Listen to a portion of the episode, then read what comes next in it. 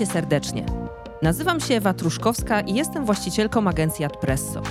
Jeśli jesteś przedsiębiorcą i chciałbyś się dowiedzieć, jak skutecznie promować swoją firmę w wyszukiwarce Google, ten podcast jest dla Ciebie. Witam Cię serdecznie w szóstym odcinku mojego podcastu Google Ads dla przedsiębiorców. W poprzednim odcinku mówiłam o różnicach między reklamami Google Ads a reklamami na Facebooku.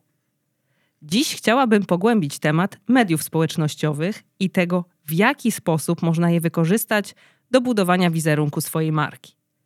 Dlatego w dzisiejszym odcinku jest ze mną ekspert w tej właśnie dziedzinie, profesor Jacek Trębecki.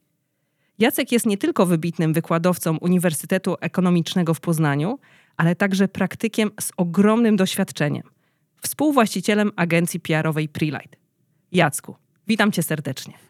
Cześć Ewa, dobry wieczór, dzień dobry. Nie wiem, o której będą mnie słyszeli nasi słuchacze.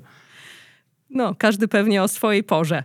E, cieszę się, że znalazłeś czas, żeby podzielić się swoją wiedzą i doświadczeniem ze słuchaczami mojego podcastu. Jestem przekonana, że będzie to naprawdę ciekawy odcinek. Jacku, Twoja agencja Prelight działa od 1994 roku. To naprawdę robi wrażenie. Masz więc ogromne doświadczenie w zakresie PR-u i komunikacji. Jak przez te lata, to już prawie 30 lat, zmienił się sposób, w jaki firmy mogą budować swój wizerunek? No to jest prawda, że zaczynałem w realiach, które pewnie wszyscy boomersi pamiętają. Komputer był nowością, wszystko na papierze, segregatory, akta, monitoring mediów to nożyczki i gazeta, raporty na papierze, a główne urządzenie komunikacyjne to fax. No ale tą prehistorię pewnie wszyscy znają, a ja też zaczynam się odzywać jak boomers, za chwilę zaczyna czekać na młodych, że nie mają żadnych marzeń, ciężko nie pracują i tylko się ślizgają po powierzchni rzeczywistości, co prawdę mówiąc jest trochę domeną mediów społecznościowych. Mam wrażenie, że one nie wnikają w głąb, ale za to bardzo szeroko obejmują to, co jest na powierzchni. No właśnie, a co w zakresie komunikacji z klientem zmieniły media społecznościowe? No to trzeba powiedzieć y, nowa jakość, która pewnie się przebija, w tym sensie, że y, to nie jest jeszcze tak i nie wiadomo, czy w ogóle będzie, że media społecznościowe obejmują całość komunikacji. Nawet e, są już pewne przesłanki, to wyniki badań, które już są powoli publikowane, wskazują, że ci najmłodsi użytkownicy, mówiąc najmłodsi, myślę o tych 17-21, którzy powinni być największą nadzieją mediów społecznościowych, zaczynają je traktować z pewną dozą ostrożności, bardziej szanując na przykład swoją prywatność, co nie oznacza, że te media nie mają przyszłości, bo dają zupełnie inne możliwości komunikacyjne. Właśnie ten personalny, dedykowany przekaz, to, to poczucie specyficznej więzi, jaką nie daje reklama, która jest masowa, jest do wszystkich, a często do nikogo. Tutaj mamy ten bezpośredni kontakt, możliwość interak- interakcji i to takie poczucie bezpośredniej więzi, związku, tego, że można zareagować, skomentować, że się jest częścią pewnej wspólnoty. Bezcenna wartość. No właśnie, powiedziałeś coś niezmiernie ciekawego, a mianowicie to, że reklama e, nigdy nie ma, nie da nam takiej więzi z klientem, ale też w jednym wywiadzie z tobą, e, którego ostatnio słuchałam, powiedziałeś coś takiego, że kiedyś trzeba było najpierw przekonać dziennikarza, i jemu coś przekazać, a dopiero później ten dziennikarz dalej y, musiał to przekazać y, no, no, klientom. A, I teraz ten dystans się skrócił, czyli że mamy taki dzięki mediom społecznościowym bezpośredni kontakt e, z klientem. Czy mógłbyś rozwinąć tę myśl? Rzeczywiście tak jest. Myślę, że to jest główny powód bólu głowy dla mediów. Istotnie Kiedyś public relations generalnie utożsamiano z mediami klasycznymi, a y, PR-owiec to najczęściej po prostu rzecznik prasowy. Dotrzeć do mediów, a one dalej przekazywały y, tę informację. W zasadzie y, rzecz czy możliwość, jaką dawały media, była jednak ograniczona do tych, których słowo miało znaczenie wielkie firmy, przedsiębiorstwa, nazwiska. Y, mały przedsiębiorca no, nie miał szans na przebicie się w mediach, chyba że zdarzyło się u niego coś naprawdę ekstra. Media społecznościowe, można by było użyć takiej metafory, są trochę y, bronią atomową dla ubogich, w tym sensie, że stać na dobry przekaz każdego. I to jest taka demokratyzacja. Wykluczamy ten filtr w postaci mediów, bezpośrednio docieramy, ale coś za coś. Dziennikarz trochę brał kiedyś odpowiedzialność za przekaz, za słowo. Trochę był też takim gwarantem autentyczności, ale też pewnym filtrem, które nieostrożnego przedsiębiorcę chroniła przed y, skutkami własnej nieostrożności. Teraz takiego filtru nie ma. Dajemy coś w mediach i to dociera do odbiorców, czasami budząc skutek, którego nie spodziewał się zupełnie nadawca. No właśnie, jak już o tym mówimy, czy e, masz w głowie jakieś takie wpadki, że ktoś opublikował coś na Facebooku, no właśnie jakiś przedsiębiorca e, nie przemyślał tego do końca i zrobiła się, mówiąc krótko, jakaś afera albo konsekwencje, których nie przewidział? No, trochę z tego żyję, bo to może ja, mój wspólnik, który zajmuje się zarządzaniem sytuacją kryzysową i coraz częściej, kto wie, czy to nie jest gro sytuacji, to media społecznościowe albo kanał, jakim są media społecznościowe, generuje te e, sytuacje. Czasami ktoś chce być poważny, a wyszło w mediach społecznościowych śmiesznie. Czasami ktoś próbuje być śmieszny, a wychodzą poważne konsekwencje. To też jest to ryzyko, że e, docieramy z przesłaniem, które jednej grupie odbiorców doskonale jakby się podoba, ale za to inni no, mogą bardzo stanowczo protestować, wyrażając swoje emocje. A to też jest specyfika mediów społecznościowych, że e, ta dyskusja ma naprawdę mocny, brutalny charakter, e, który często nie przekłada się tak naprawdę na rzeczywiste myśli. Bardzo łatwo jest napisać inwektywę, bardzo łatwo jest kogoś skrytykować późno w nocy w bezpiecznym pokoju w klawisze stukając, ale podejrzewam, gdyby obie strony spotkały się face to face, to byłoby zupełnie inne, często bardzo miłe spotkanie, bo ci ludzie tak naprawdę nie wiedzą, że są w gruncie rzeczy fajni. No, różni ta, ta, ta, ta, ta różnica poglądów, która czyni z nich nagle zajadłych wrogów na forum dyskusyjnym. Powiedziałeś, że media społecznościowe to taka bomba atomowa yy, dla ubogich, że każdy może dzięki temu korzystać z tych mediów. I tutaj pojawia się w mojej głowie takie pytanie, które często zadają nasi yy, klienci, a mianowicie często przychodząc do nas, żebyśmy poprowadzili im kampanię Google Ads, też zadają pytanie, czy uważamy, że powinni prowadzić również działania, reklamy w mediach społecznościowych. I takie moje pytanie do ciebie, czy uważasz, że każda firma powinna być obecna w mediach społecznościowych? Użyłbym, e, jeśli czas nam pozwoli, takiej e, krótkiej metafory.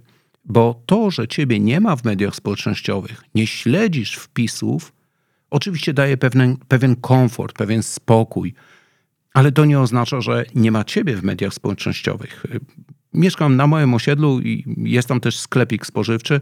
Jestem absolutnie przekonany, że właścicielka i jednocześnie sprzedawczyni tego sklepiku spożywczego, czy właściwie warzywniaka, nie funkcjonuje w mediach społecznościowych, bo bym ją widział, jak reaguje. Otóż na osiedlowym forum odbyła się zażarta dyskusja, którą zapoczątkował jakiś yy, klient, który zapłacił 100-złotowym banknotem, a otrzymał resztę z 10-złotowego banknotu, no i swojemu oburzeniu dał wyraz na forum. Długa dyskusja, zarzekanie się, że nie będą to ludzie kupowali, że padają ofiarą oszustwa i tak dalej. Y, no i kilka dni potem jestem u tej pani, ona jest smutna, bo mówi, że te sklepy dookoła odebrały jej klientów. Od kilku dni zauważyła spadek klientów. Ja mówię, ale może przez to, co, co się stało na Facebooku? Nie, nie jestem na Facebooku.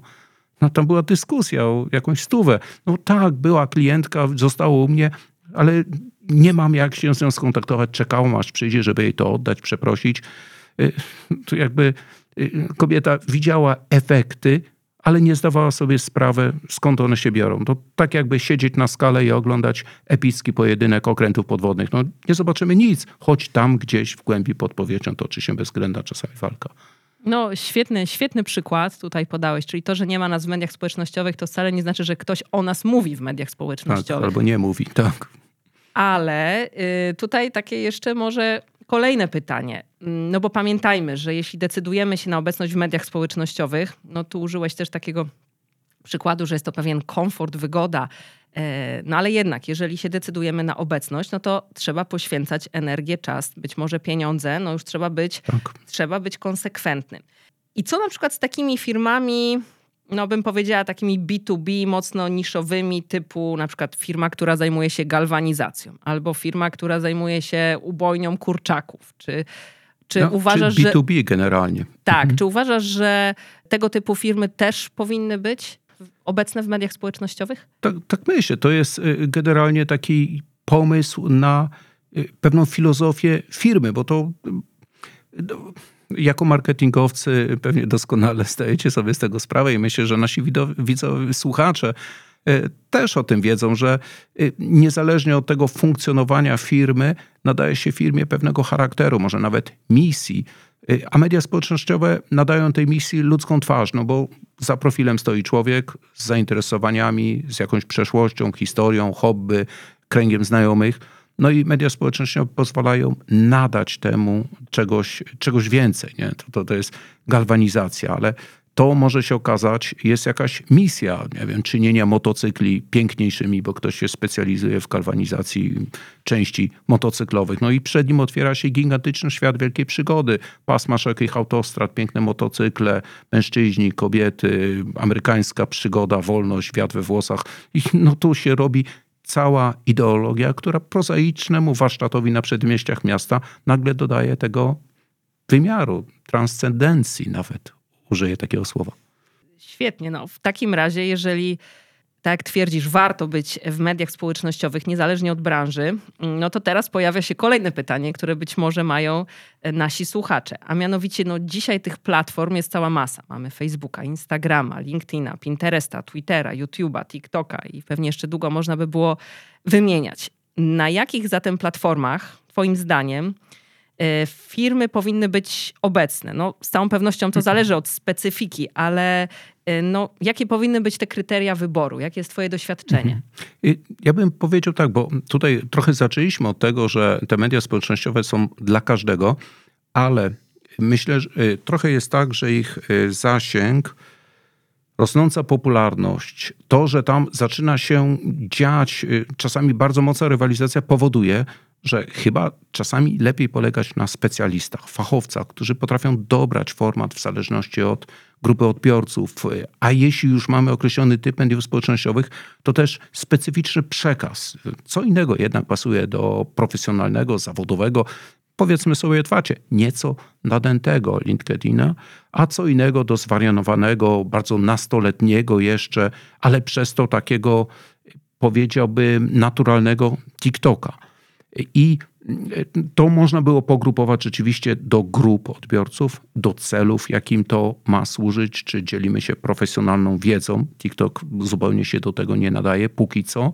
Czy może jednak jesteśmy takim medium społecznościowym do średniego, może nawet bardziej dojrzalszego pokolenia i tu Facebook byłby doskonałym? Czy chcemy stworzyć społeczność profesjonalistów, zawodowców i ten LinkedIn tu jest? A może mamy bardzo dużo do pokazania w strefie wizualnej, więc Instagram byłby tu całkiem niezły. Może mamy świetne filmiki, no to tu YouTube czy y, te formaty, w których y, film jest bardziej ważny, a może idziemy w zupełne, zupełne nisze i wtedy nisza ma swoje własne medium społecznościowe. Nie wiem, chcemy wejść w młodzież szkolną, podstawówkową, więc gdzieś w Discord wejdziemy. To teraz jeszcze chciałabym Cię zapytać o taką rzecz. Z naszych obserwacji wynika, że często niestety firmy popadają ze skrajności w skrajność, czyli albo są takie, które, których w ogóle nie ma w mediach społecznościowych, Albo z kolei obserwujemy, że są takie firmy, które mają na przykład tylko profil na Facebooku, zupełnie rezygnują z posiadania strony internetowej, e, no co w ogóle prowadzi do absurdalnych sytuacji, bo klient nieraz nie może znaleźć nawet podstawowych informacji. Czyli mhm. na przykład wyobraźmy sobie restaurację i nie może znaleźć menu, godzin otwarcia tak. i, i tak dalej, no bo firma tylko się koncentruje na Facebooku. No gdzie twoim zdaniem leży taki złoty środek? To znowu bym polegał na opinii specjalistów, którzy potrafią trochę wkomponować w strategię działania firmy ścieżkę, z jaką klient spotyka się z firmą. Kiedyś oczywistym początkiem tej ścieżki była reklama, jakiś outdoor z ulicy. Człowiek dowiadywał się, że jest firma i gdzieś tam kierował swoje kroki. Dziś najczęściej wpisujemy jednak wyszukiwarkę. Widzimy w wyszukiwarce pewnie odpuszczamy te pierwsze reklamowe rzeczy, wchodząc w to, co jest najwyżej pozycjonowane.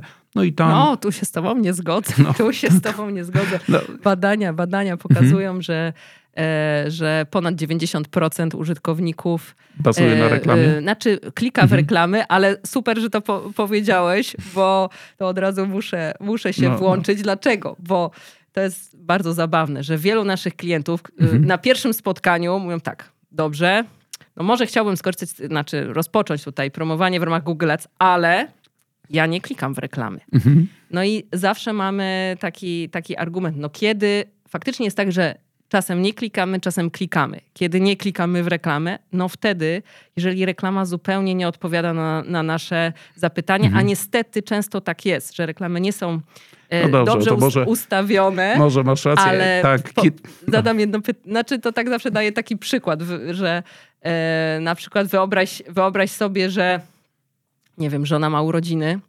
Jutro, zapomniałeś o prezencie i w popłochu szukasz na przykład, nie wiem, książki konkretnej, którą sobie wymarzyła, czy konkretnego, e, nie wiem, no prezentu, prezentu tak? nie wiem, perfumy konkretne, które wiesz, że sobie wymarzyła i w popłochu szukasz, no więc wpisujesz w Google nazwę i nagle w reklamie ci wyskakuje dokładnie ten produkt z ceną, zamów do 12, a dostarczymy na następny no, dzień. Ja bardziej to... myślałem o innym przykładzie, że muszę kupić dla żony prezent i na przykład wiem, że ceni pierścionki jakieś i wpisuję pierścionki i w reklamie jest idealny prezent dla żony na 30-lecie. No to, no to tak, to, to prawdę no, mówiąc, więc... wtedy może moje zastrzeżenie niknie. No tak, chyba to bardzo zależy od sprofilowania tej reklamy, ale jak większość e, pewnie ekspertów uważamy siebie za zupełnie odpornych na oddziaływanie reklamy, heurystyki myślenia.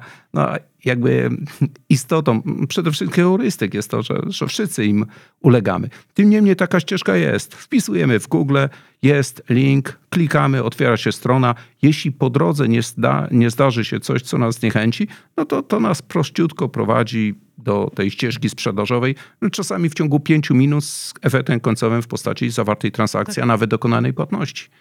No dokładnie, to jest przewaga strony internetowej. Zresztą też zawsze powtarzamy, że e, media społecznościowe mają troszeczkę inny cel i użytkownik ma inną intencję. To znaczy, jeżeli my zawsze tak mówimy, jeżeli ktoś coś wpisuje do Google'a, to jedną rękę trzyma na klawiaturze, drugą na portfelu. No bo właśnie, mhm. szuka tego pierścionka, to znaczy, że w ogóle myśli o zakupie tak. pierścionka. Natomiast jeśli wchodzi na Facebooka, no to najczęściej dla rozrywki, chce zobaczyć, co się dzieje, co słychać u znajomych i oczywiście, jeśli pojawi się jakaś reklama, która go zainteresuje, może skłonić go do kliknięcia mhm. i, i zresztą wielu naszych y, klientów no, y, odnosi bardzo duże poziomy sprzedaży dzięki Facebookowi, reklamom na Facebooku, ale jednak za, co do zasady Facebook służy właśnie tak jak powiedziałeś, tak, budowania wizerunku, społeczności. społeczności tak. Też tak. mam wrażenie, nie wiem czy to jest specyfika kampanii, ale Facebook często mi reklamuje tak, taki po czyli szukam kasku intensywnie.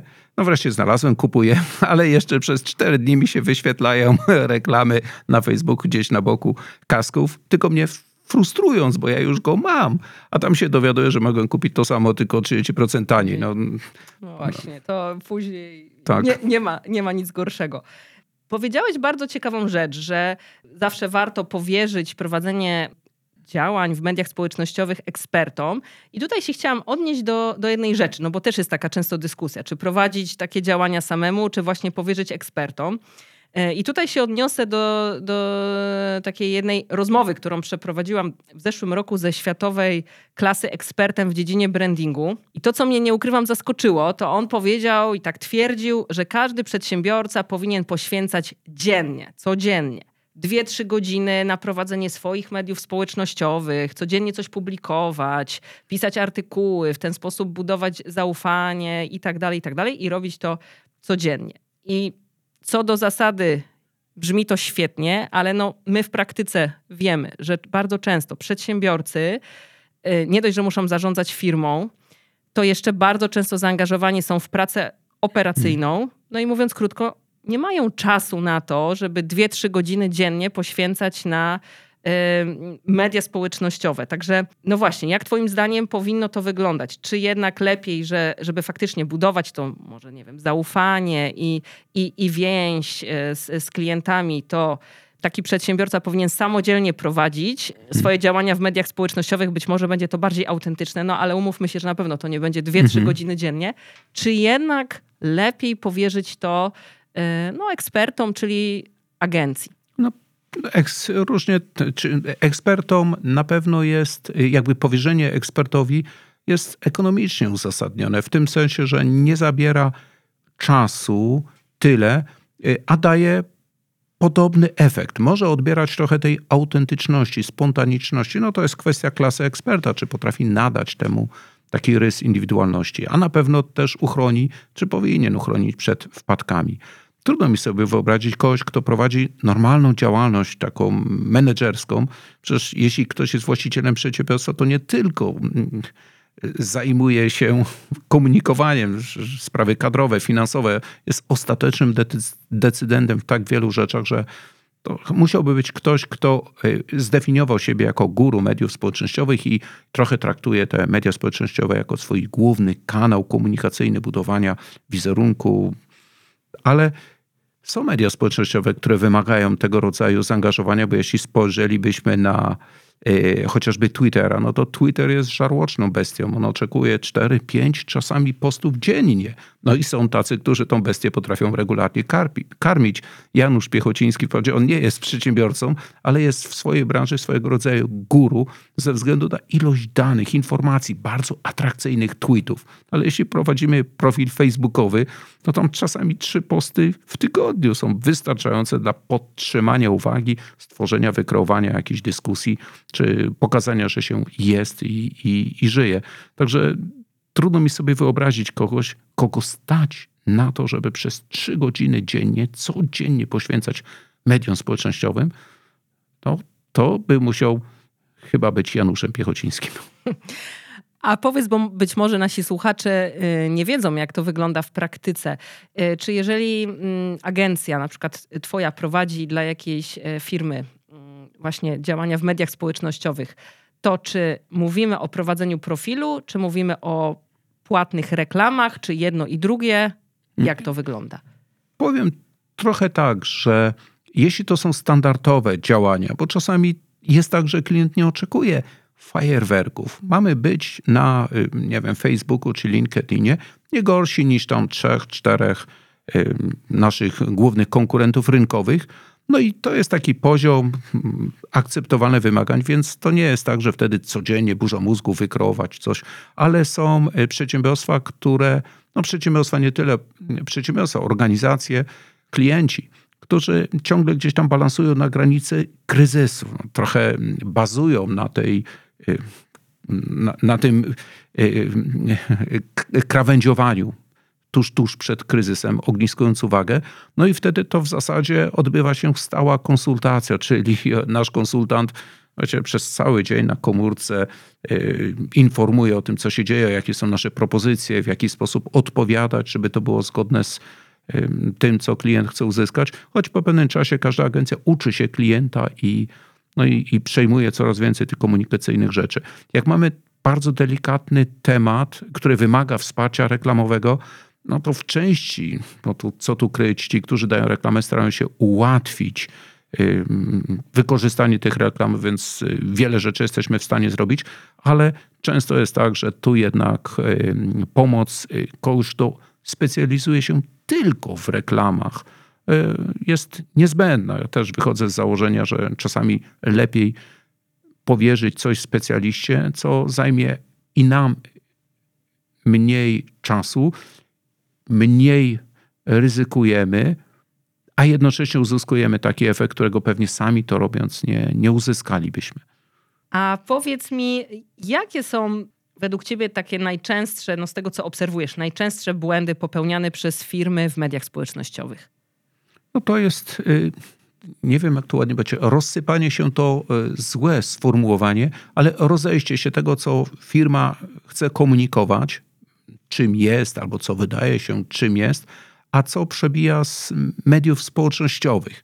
Y, czyli firma pokazuje siebie jako dojrzałą, wiarygodną, nawet prestiżową, a później mamy media społecznościowe, w których jest jakaś informacja, że jesteśmy tak wspaniali, że nie wiem, jedna z pracownic, która zachorowała i nie mogła korzystać z owocowych czwartków, no to prosimy innych pracowników, czy ustąpiliby ze swoich jabłek, pomarańczy i cytryn, żeby ona mogła je dostać i pokazuje to e, taką mizerię finansową firmy, czy takie szczędzenie na, na pracownika, co się wylewa, później staje się częścią memu.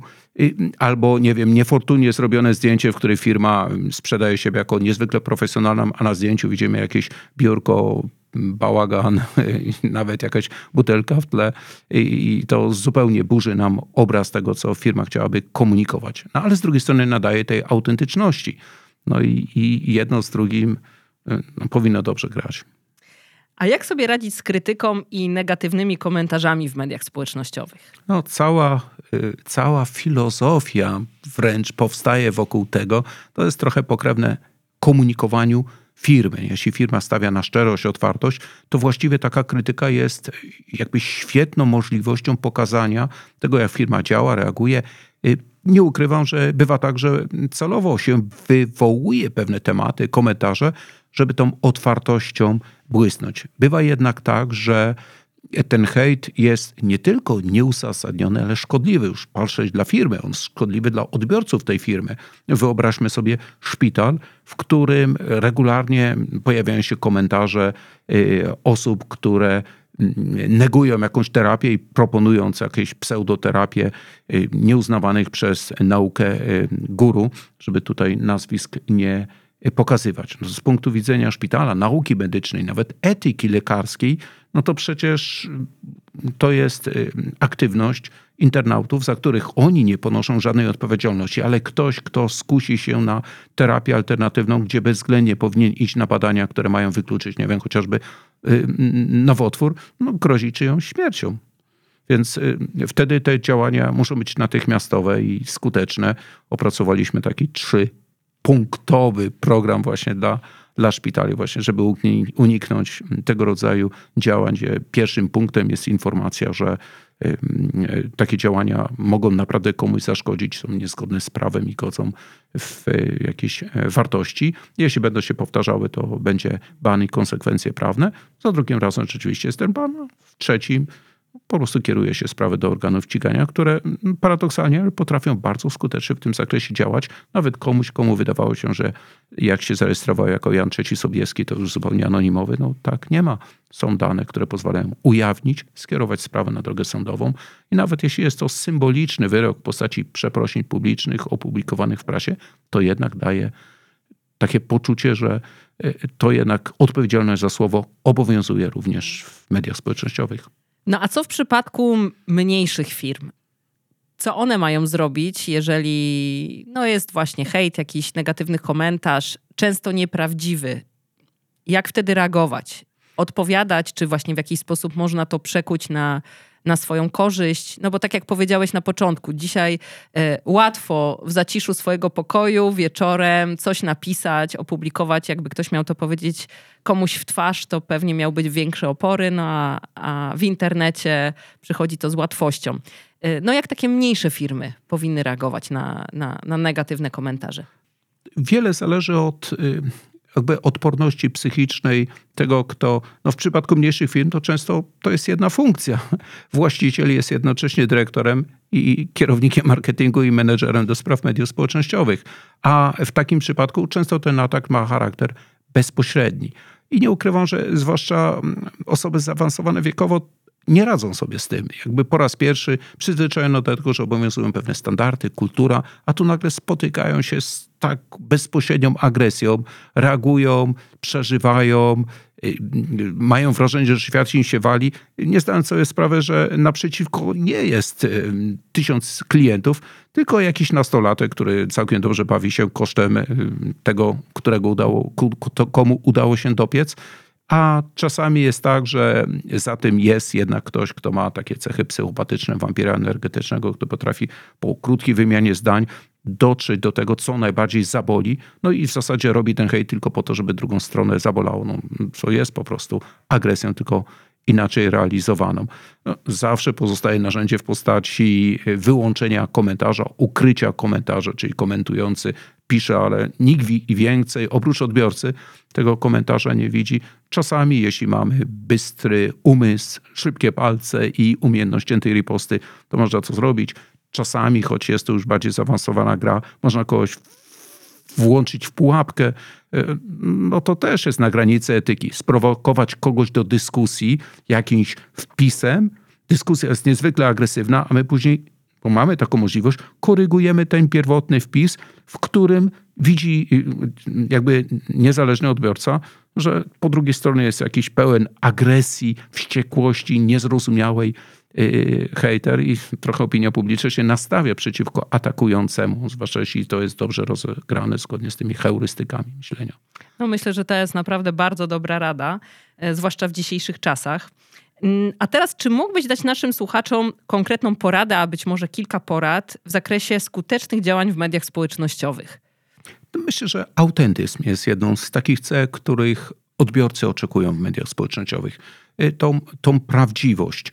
Y, zwłaszcza młodzi odbiorcy cenią sobie tą naturalność, co też powoduje, że osoba po 40 raczej nie powinna tykać TikToka, bo zawsze będzie dziadersem na tym TikToku, obcym ciałem. Częściej wyśmiewanym niż poważanym. Na szacunek wśród młodych naprawdę trzeba sobie zasłużyć i o ile Jurek Owsiak to tam może spokojnie sobie wchodzić, czego by nie napisał, to i tak będzie e, przez jednych wielbiony, no a pewnie przez drugich e, ganiony, ale ktoś, kto wchodzi w to środowisko, no tutaj powinien być jednak bardziej ostrożnie. Ale wydaje mi się na pierwszym miejscu ta autentyczność, szczerość, spontaniczność, a na drugim miejscu ta świadomość, że nie wszystkie media nie do każdego odbiorcy i nie z takim typem przekazu. A jeśli nasz słuchacz miałby z tego odcinka wynieść jedną rzecz, yy, która może odmienić jego biznes, to co by to było? Warto próbować. Odwaga, popłaca, a media społecznościowe wbrew pozorom nie są takie straszne. To znaczy dzisiejszy wpis, który może słuchaczowi dać wrażenie, że świat się mu właśnie zawalił, jutro już tylko jest przeszłością. Naprawdę nie jest medialny, zwłaszcza społecznościowo-medialny diabeł tak straszny, jak go malują. Jacku, bardzo Ci dziękuję za dzisiejszą rozmowę. Y, myślę, że nasi słuchacze wyniosą z niej wiele cennych informacji i praktycznych porad. Jako, że jesteś również zapalonym biegaczem, życzę Ci nie tylko sukcesów zawodowych, ale także spektakularnych sportowych osiągnięć. Także bardzo Ci dziękuję za tę dzisiejszą rozmowę. Nie omieszkam się nimi pochwalić na swoich mediach społecznościowych. O, koniecznie. Śledzę, śledzę, także będę wypatrywała. Ja natomiast zapraszam już dziś na kolejny odcinek mojego podcastu. Opowiem w nim, odpowiem w nim na nurtujące wiele osób pytanie, ile tak naprawdę kosztują kampanie Google Ads. Także do usłyszenia.